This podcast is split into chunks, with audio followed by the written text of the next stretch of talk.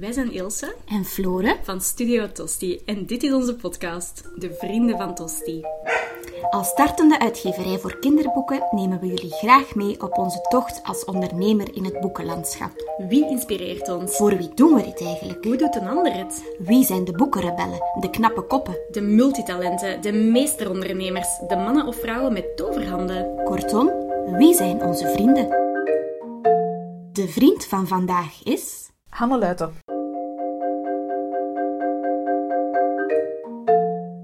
Zal misschien beginnen met te zeggen dat Floren er vandaag niet bij is, want die is met, eh, met zwangerschapsverlof. Oh. Dus Helene Hallo. is de reddende engel van vandaag. En Helene, we kennen jou misschien van het crisiskabinet kinderopvang. En als de mensen het niet kennen, dan moeten ze het zeker eventjes op Instagram gaan opzoeken. Crisiskabinet kinderopvang, Ja. voor een betere kinderopvang. Inderdaad. Dus jij redt ons vandaag eventjes uit de nood. Want ik vind het toch altijd toffer om zo'n interview met twee te doen. Ja, ik ben Dan- kei, kei blij dat ik erbij mag Voilà, zijn. inderdaad. En we zitten hier op in een eh, super professionele podcaststudio vandaag. Hè. Dat eh, Ja, echt, maar ongelooflijk. berging omgebouwd tot... eh, we zitten in de winkel, in onze splinternieuwe Studio Tosti winkel.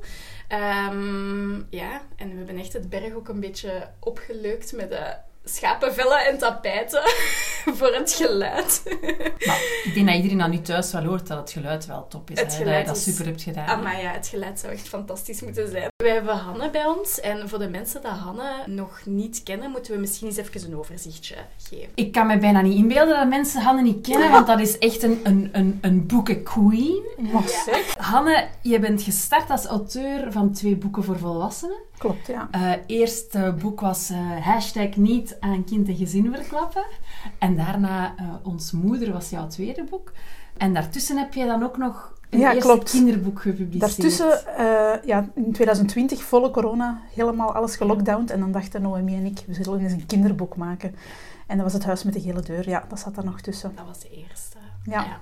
En dan ben jij naast boeken ook nog fantastische producten zoals brooddoosbriefjes beginnen maken. Al drie, al drie edities? Drie edities, ja. Wat ja, is een klopt. brooddoosbriefje voor iemand die dat niet kent? Wel heel simpel uitgelegd, een brooddoosbriefje is niet meer of niet minder dan een klein schattig eh, kattenbelletje in de brooddoos of in de snackdoos van eh, iemand die dat je graag ziet.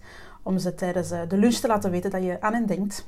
Ja. Liefst bij de lunch noemen wij dat graag. Ja, en ik heb daar straks mega veel vragen over, want ik vind dat zo interessant hoe dat zo al die productjes naast de boeken staan. Dus daar komen we echt sowieso nog op terug. En dan hebben we ook nog de, nog, nog de laatste drie boeken, hè? Ja, exact. Moeten we er misschien ook even bij vermelden? Ja, en je hebt al een reeks boeken. Ja, Wilma Wonder. Ja, ja, ja, er zijn er twee nu van uit. Wilma Wonder en Wilma Wonder en de Tak.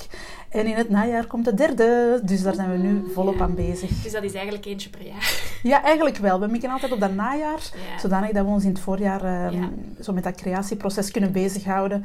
En eh, ja, meer is niet doenbaar ook niet. Nee. er kruipt zoveel tijd in dat de ene Wilma per jaar genoeg is. Maar eh, dat is wel heel fijn dat dat eigenlijk zo wat onverwachte reeks is geworden. Want toen dat we die eerste Wilma Wonder bedacht hadden, dacht ik wel, ah, het zou, hier zit wel meer in. Maar we zullen eerst afwachten wat dan deze gaat doen. En dat is dan zo ongelooflijk ontploft dat wij voelden van, ja, hier moeten we mee verder met dat bendeke. Die zijn eh, met zessen zo waardevol eigenlijk, dat we daar eh, nog veel meer verhalen over kunnen vertellen. En het is ook kei leuk dat die nu zo wordt afgewisseld met jullie nieuwste. Zo in de winkelmond en de volksmond bekend als het rupsenboekje. Ja, Op jou wil ik altijd ja. wachten. Ja, fijn dat die er dan ook zo nog eventjes tussen komt. Ja, ja, absoluut. Ehm, dat was eigenlijk ook maar iets dat, wanneer zijn we eraan begonnen? Ik denk november of zo vorig jaar. Dat we dachten van, krijgen we dat er nog tussen, ja of nee? Ehm, maar het is wel om te maken een heel ander boek geweest dan de beide Wilma Wonders. Het ging in zekere zin een beetje vlotter, omdat Wilma, vooral voor Noemi dan, de illustratrice, ja, dat is enorm eh, ingewikkeld om te tekenen. Het is te zeggen, dat zit zoveel diepgang in, zoveel spel met kleuren, met schaduwen. En op jou wil ik altijd wachten een, zeg maar, een vlotter boek om te tekenen, omdat het ook voor een iets jonger publiek is. Iets meer recht toe, recht aan. Ehm, maar ik ben heel blij dat dat nog gelukt is en ik ben heel trots dat we dat eh, hebben kunnen lanceren in eh, maart. Ja. Maar het is dus eigenlijk allemaal begonnen bij het eerste boekje. Herinneren wij ons dat goed, dat jouw eerste boek, Niet aan kind en gezin verklappen, dat dat gegroeid is uit allemaal Facebook- en, en Instagram-anekdotes? ja, dat klopt. Ja, ik heb mezelf daarom ook heel lang een, eh, een per ongeluk schrijfster genoemd, omdat dat zodanig eh, mij overkomen is bijna. Ik schreef al ja, sinds dat ik moeder werd, in, eh, ja, bijna twaalf jaar geleden. Uh, zo alle anekdotes van mij af, dingen waar ik me struggelde of flaters die dat ik begin, beging in kleine anekdotes op uh, Facebook en later op Instagram. En ik plakte er altijd de hashtag bij, niet aan kind en gezin verklappen, um, om er zo wat een, een kwinkslag aan te geven. Nu, wat ik niet wist, was dat er iemand van een uitgeverij aan het meelezen was. En die hebben mij in 2018 eigenlijk gevraagd van, ja, zouden daar geen boek van willen maken? En dan heb ik een keer of 34 gezegd, nee, dat kan ik niet. ik ben geen schrijfster, ik schrijf maar gewoon kleine, kleine anekdotes. Maar um, ze zijn blijven aandringen en gelukkig maar, want um, daar is dan een boek van gekomen. En dat is tegen alle verwachtingen in. Ik denk ook bij de uitgeverij is dat ongelooflijk ontploft. En dat heeft eigenlijk alles in gang gezet. Ja, ja, ja want dat, ik hoor je daar altijd met heel veel dankbaarheid over praten. Zo inderdaad op de sociale media. Van, ja, dat is eigenlijk echt zo wel de, de springplank geweest. Absoluut, absoluut. En heeft ervoor kunnen zorgen dat we daarna ons ander uh, ja, werk... Ja, dat is nooit, er is nooit een groter plan geweest of zo. Ik dacht, oké, ik ben kei blij dat ik dat boek kan maken. En we zien wel wat er komt, maar ik werkte gewoon in dienst bij een werkgever en zo. En ik had nooit het idee van, oké, nu zijn we vertrokken voor een carrière van uh, boeken schrijven, laat staan boeken uitgeven. Dat lag helemaal niet, uh, dat was geen uitgestippeld plan of zo. Dat is allemaal, ja, dat heeft zich opgestapeld en dat is meer en meer en meer geworden. En op den duur zeg je dan, ja, nu ga ik springen. Maar ik ben daar heel dankbaar voor, ja, want anders dan uh, zat ik hier nu niet, letterlijk, als dat boek er niet was geweest. En over die vorige werkgever gesproken, daar heb je eigenlijk wel je allereerste verhalen geschreven die uitgebracht zijn. Ze liggen hier de... Ja, die, die kwamen na... De boekjes van Jomier, ja, die kwamen na um, Het Huis met de Gele Deur. Ah, daarna pas. Daarna pas. Denk, ah, Het loopt alles door elkaar. Het is ook zoveel. Ik heb het opgeschreven. Ah, heel goed. Ik kan het gemissen. Heel goed. Ja. Wanneer je hebt gelijk, het was na niet... Nee, dat is na niet aan kind en gezin verklappen. Ah, echt waar? In 20, februari 2020. En dan mei 2020 was het huis ah, dat kan. de deur. Dat kan, ja. Dan, alles slaat door elkaar. Ja. Um, nee, nee, dat klopt, ja. Zij vroegen mij eigenlijk, zij, dat is eigenlijk een Belgisch bedrijf en zij hebben een eigen merk, dat heet Jomier. En zij hebben daar mega schattige nachtlampjes van. En ze zeiden van, ja, dat zijn eigenlijk vier vriendjes, die nachtlampjes we kunnen daar misschien een, ook wat boeken rondschrijven. En dan kwamen ze natuurlijk um, bij de collega op het bureau die dat al eens had gedaan terecht. En uh, dan heb ik daar met heel veel plezier uh, boekjes rondgeschreven. Maar ik moet wel zeggen dat ik heb daar heel veel van mezelf in kunnen leggen, maar dat voelt op een bepaalde manier toch nog wel anders dan de boeken die dat ik daarna dan met Hannekes Nest heb uitgebracht. Um, maar ik heb die heel graag geschreven en ik vind dat heel fijne kleine verhaaltjes zo. Ja. En het zijn inderdaad ook wel hele schattige nachtlampjes. Het staat bij ons op Bij ons ook en ik heb al grote kinderen hè, en toch zijn die daar nog wel heel erg aan gehecht. En ik denk dat zo verhalen en, en zo rond die creaties, dat er dan wel toe bijdraagt van dat kinderen zich ja, aan iets hechten of aan een ritueel hechten. Of, ja, ja, inderdaad. En, en, en zo, ik kan mij ook oprecht voorstellen, als je dan zo die tekst schrijft, je bedenkt dan ook die personages in je hoofd en zo, en dan is er altijd zo die samenwerking met een illustrator. Ja, klopt. En dat is ook zo een vraag dat ik heel vaak krijg van, hoe gaat dat? Zo, je hebt dan... Je hebt je, ziet die toch eigenlijk al bijna in je hoofd als je die aan het schrijven bent. En, en, en hoe zoekt je dan de persoon? En, en, ja, deels wel. Dat zat wel in mijn hoofd. Ik had dan vooral, dat was dan met Huis met de Gele Deur, dat ik Noemi contacteerde.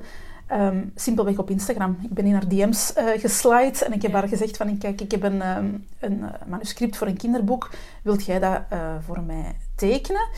Um, omdat ik natuurlijk Noemi haar werk al wel kende en ik was helemaal gecharmeerd op de manier waarop dat zij eigenlijk redelijk simpel toch heel veel kan vertellen in een print. En ehm, dan ging het land op slot. En dan hebben wij dat boek wel echt via WhatsApp gemaakt en via mail gemaakt. En ehm, we hebben elkaar daarvoor maar één keer ontmoet zelfs. Dus uh, dat was heel bijzonder. Maar ik vertrouwde haar wel daarmee. Oké, ik zei van, er zijn die personages zijn er. En ze heeft mij vervloekt dat het er zoveel waren. dat ze allemaal een fiets hadden, vond ze ook vreselijk.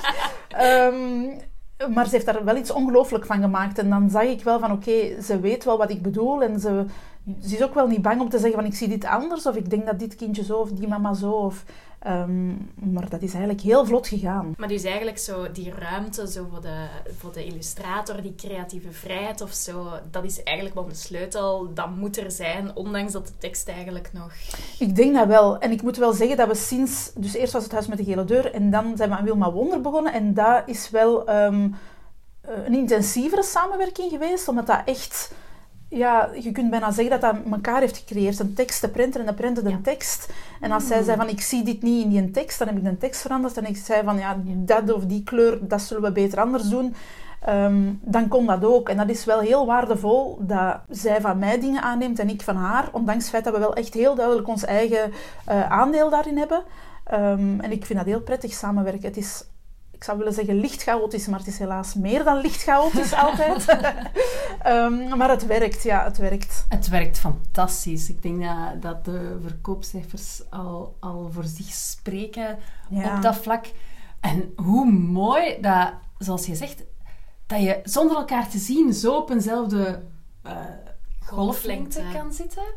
En echt iets kan creëren zoals jullie Ja. hebben gecreëerd. Ik denk dat vertrouwen daar veel mee te maken heeft. Gewoon, ik, allee, ondanks het feit dat we allebei geregeld aan onszelf twijfelen en aan het feit dat we dat ons eigenlijk allemaal zo overkomen is. We hebben niet echt een opleiding gevolgd. Er heeft niemand ons verteld hoe dat we een kinderboek moesten maken. Dus dat komt echt vanuit een buikgevoel en een vertrouwen in elkaar, denk ik.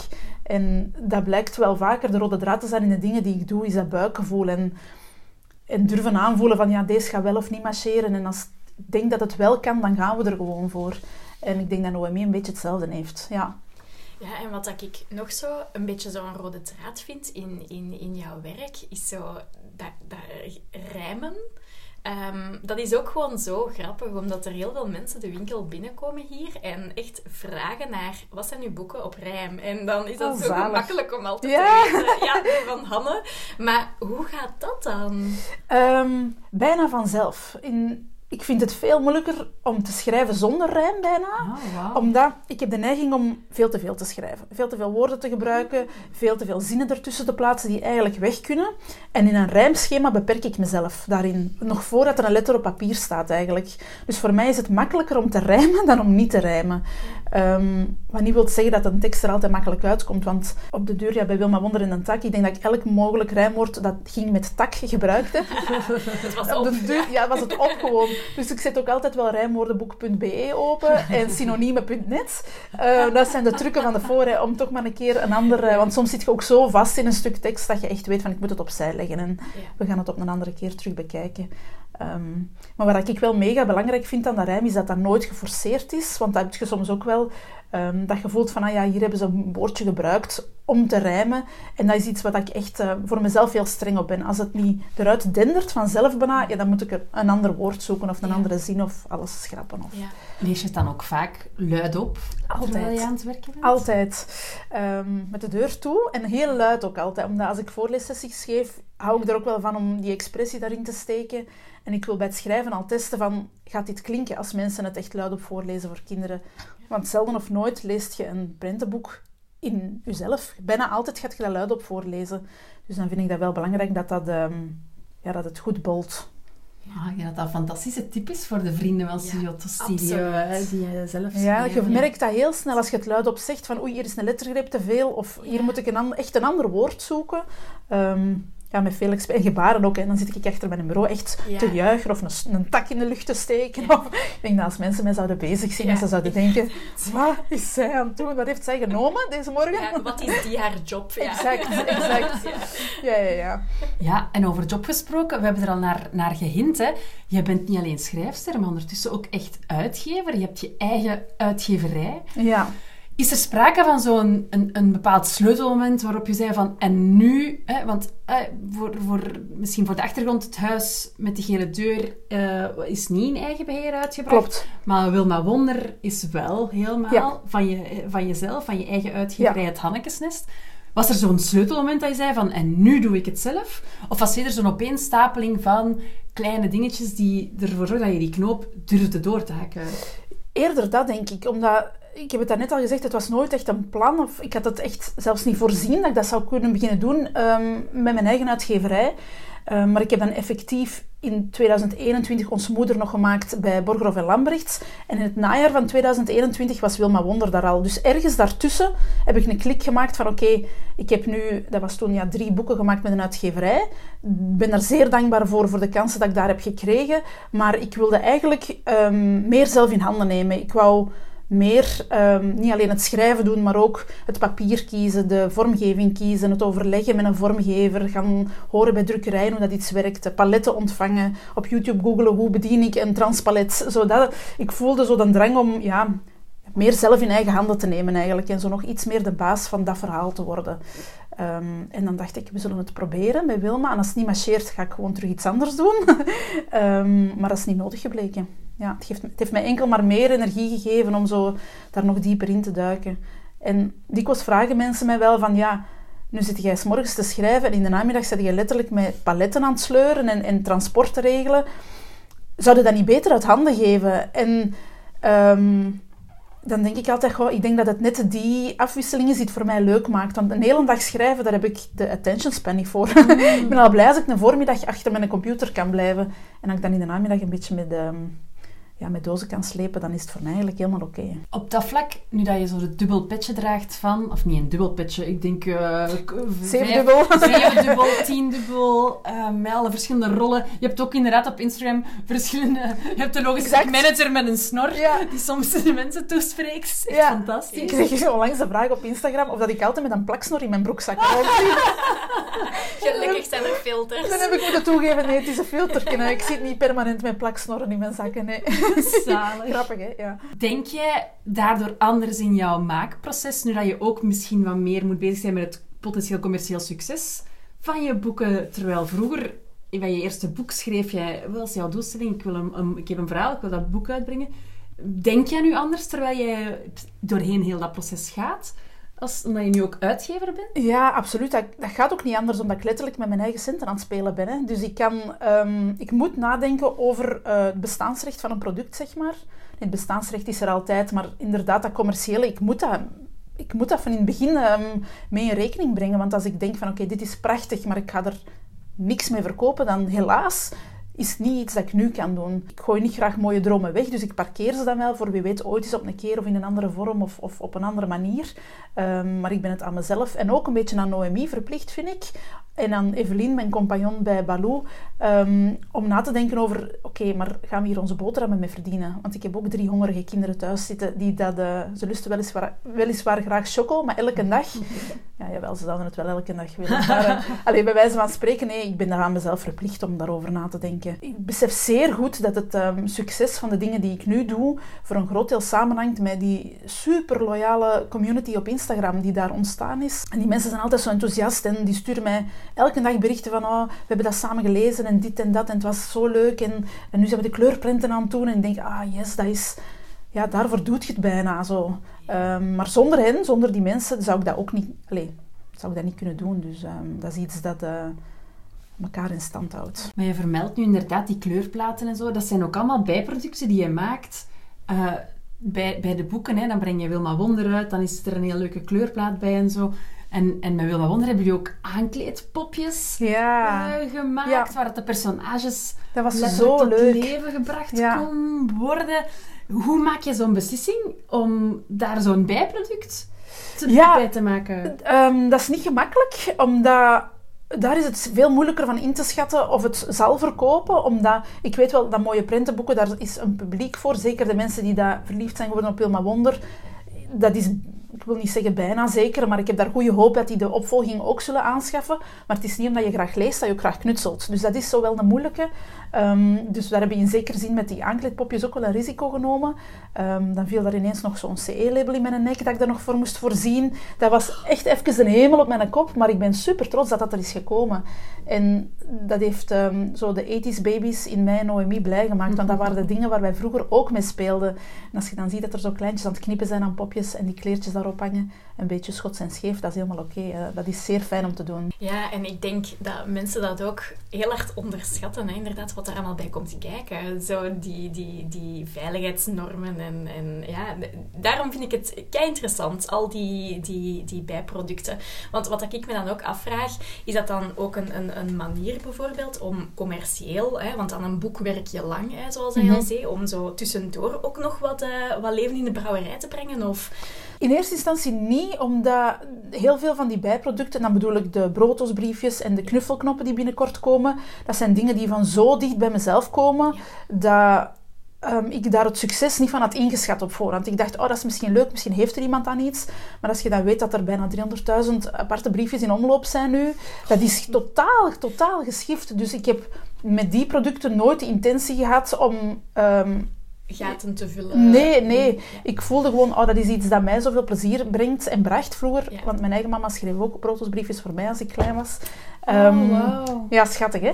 Ja. Eh, dus ik dacht, ah, misschien zijn er dan nog wel mensen. Dus dat is meer echt weer dat sneeuwbaleffect. Ik weet dat dat altijd zo'n beetje donzig klinkt, maar dat is echt iets dat ja, beginnen bollen is.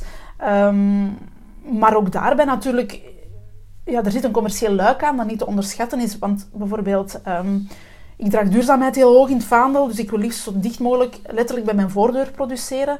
En dat kunnen we met die broodosbriefjes doen. Die worden echt uh, allemaal in de provincie Antwerpen gedrukt, geassembleerd, gemaakt.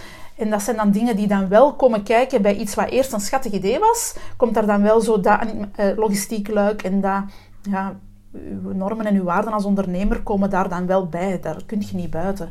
Um, en dan ook dat we proberen telkens onze verpakkingen herbruikbaar te maken. Of ja, dat je ermee kunt knutselen of zo. Dat zijn dan dingen die daar later in het proces wel komen. Maar die dat je er wel moet bijpakken. Ja. En dat zijn zo van die stukken... Allee, waar we daarnet al zo zeiden van... Um, je, je vindt die afwisseling leuk tussen dat schrijven, afwisseling met pakketjes inpakken. Maar dat zijn dan wel dingen waar je echt kiest om die verpakking bijvoorbeeld uit te besteden aan iemand. Hè? Ja, klopt. Ja. Voor de assemblage van de broodosbriefjes en de knuffelknoppen werken wij samen met een school, Sint-Jans of hier in Mechelen trouwens. Ah, ja, ja, En die leerlingen, dat zijn krakken in um, secuur, mooi werken, eh, netjes plooien, dingen die ik allemaal echt zelf niet kan. Totaal niet zelf, dan ben ik zo of blij. drie pakjes, maar... Uh... Ja, en dan, en dan alles scheef en zo. Dus, eh, en ik heb ook wel een eer als ondernemer dat ik wil wel topproducten afleveren. Dus dan weet ik dat ik dat liever aan die kanjers van Sint-Jans of kan uitbesteden, um, dan dat ik dat zelf doe. Um, maar dat is dan wel weer terug een leuk onderdeel om te kijken van hoe kan ik het uitbesteden en hoe wordt iedereen er beter van? Hoe is dit een meerwaarde voor mijn product? En je vermeldde al natuurlijk dat, dat daarnet als je zei van ja, de, met vorktruc eh, en met de dozen sjouwen en dat is een, een goede afwisseling, want constant in het pure creatieve zitten, dat, is, dat, dat zou te veel zijn. Maar hoe bewaak je dan wel in alle dingen die je creëert en ook het feit dat je toch wel heel veel zelf doet, je eigen grenzen? Bot, je, je bent daar op Instagram, ben je al eerlijk geweest dat er op een bepaald moment terug voor het hyperventilatie Absoluut, in je leven kwam en zo?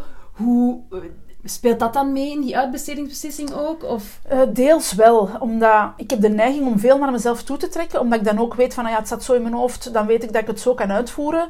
Maar kijken naar wat maakt mij echt gelukkig en waar, wat is een toevoeging aan mijn dag, bij wijze van spreken, en wat niet, dat is eigenlijk voor mij nu een soort van graadmeter geworden. Um, en met dozen slepen en die dan hier bij winkeliers in Mechelen zelf gaan brengen, dat is wel fijn voor mij, omdat ik dan weet van, oh ja, ik breng die nu daar naartoe en ik kan connecten met de mensen wie dat mijn spullen kopen. Dat doe ik wel. En dingen die dat mij ongelukkig maken of die mij frustreren, die probeer ik uit te besteden aan een partij die daar wel blij van wordt. Hmm. Ehm, want ik zou nooit uh, de vervelende jobjes willen uitbesteden omdat ze vervelend zijn. Ik denk dat we daar gewoon met een andere blik naar kijken.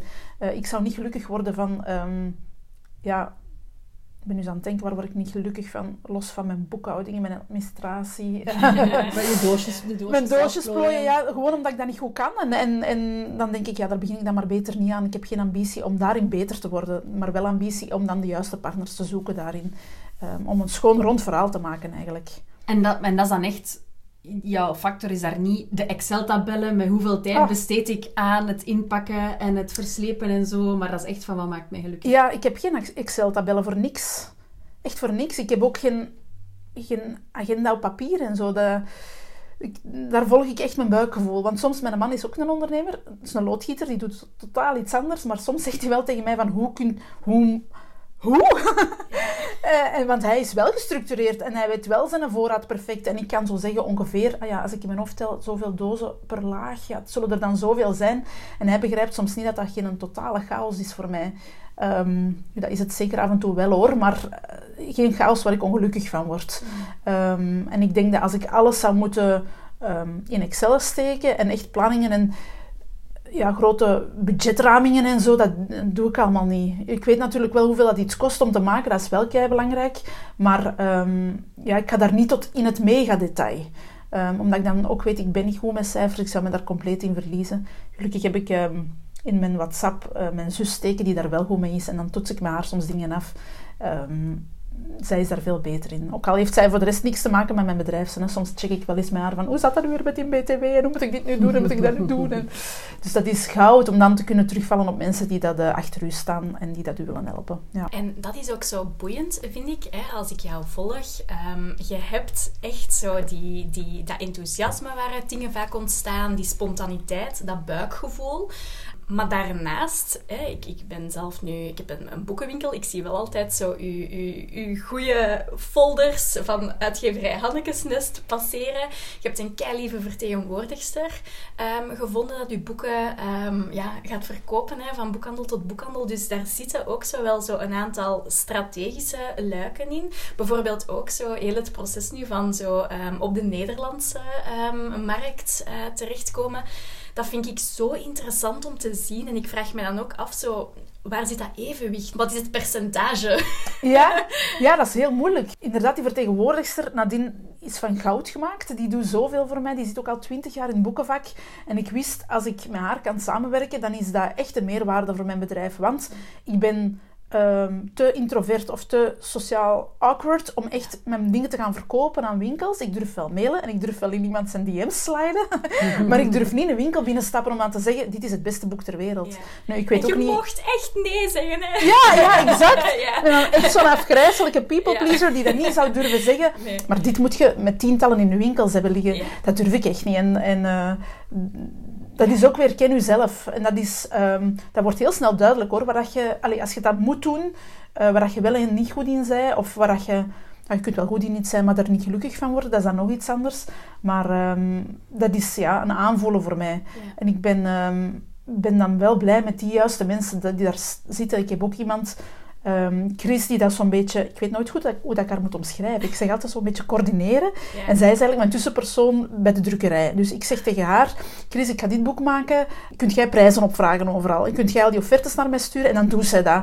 En dan denk ik, oh, dat is weer iemand die dat cijferwerk uit mijn handen neemt. Ik en die dat... een Chris in mijn leven. Chris is ongelooflijk. Ik denk dat ze soms wel zot wordt van mij. Want soms vraag ik haar ook offerten voor projecten die dan niet kunnen doorgaan. En dat is dan natuurlijk wel vervelend. Maar um, ja, dat is eigenlijk, met dat ik dat nu aan het vertellen ben, dat zijn bijna allemaal...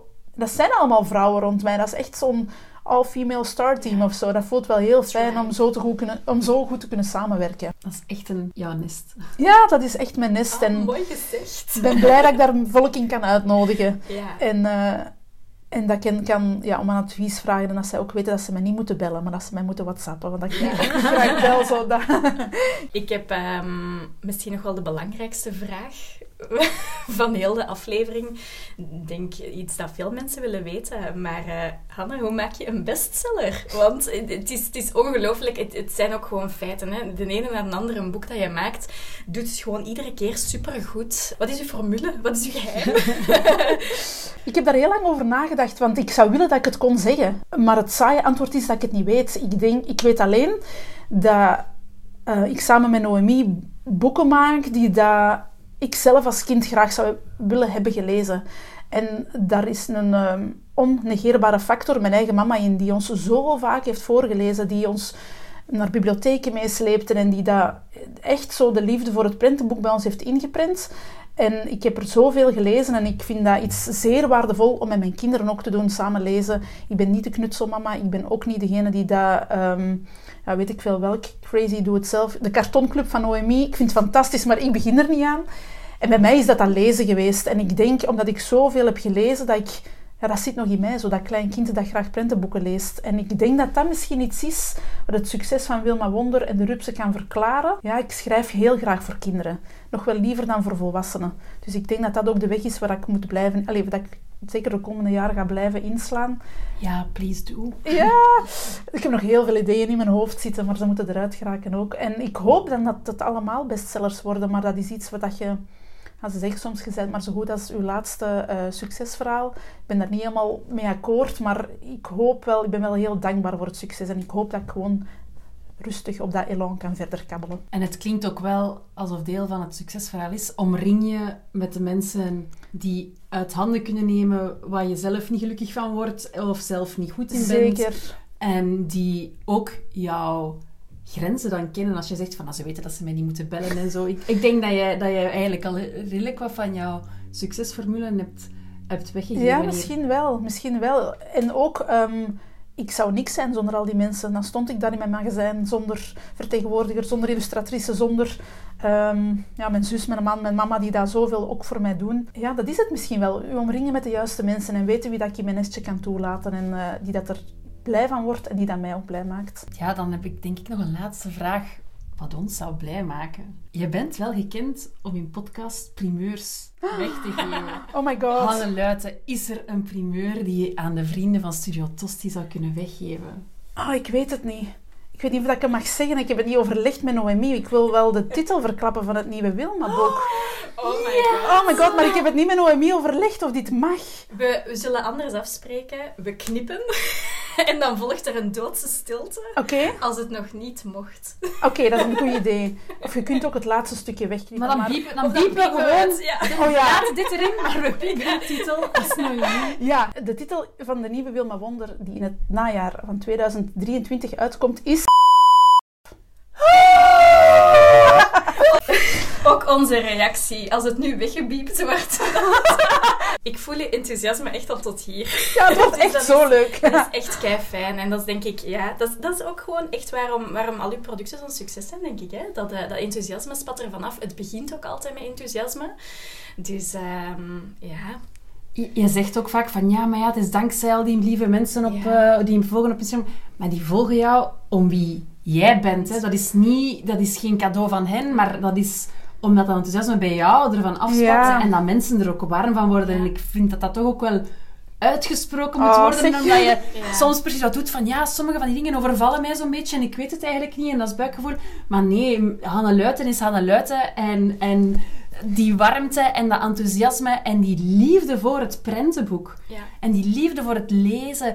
En, die en ook, ook, want wat we nooit vermeld hebben, is de diversiteit die ook... Ja. De, de, de diversiteit, enorme diversiteit die in die boeken van jou en Noemi zitten. Dat is, dat is waarom mensen ook jou blijven volgen en jouw producten zo een, een, zo'n belangrijk plaatsje in al die, al die huiskamers krijgen.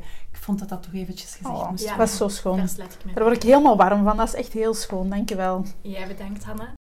Benieuwd geworden? Ontdek ons aanbod op www.studiotosti.be.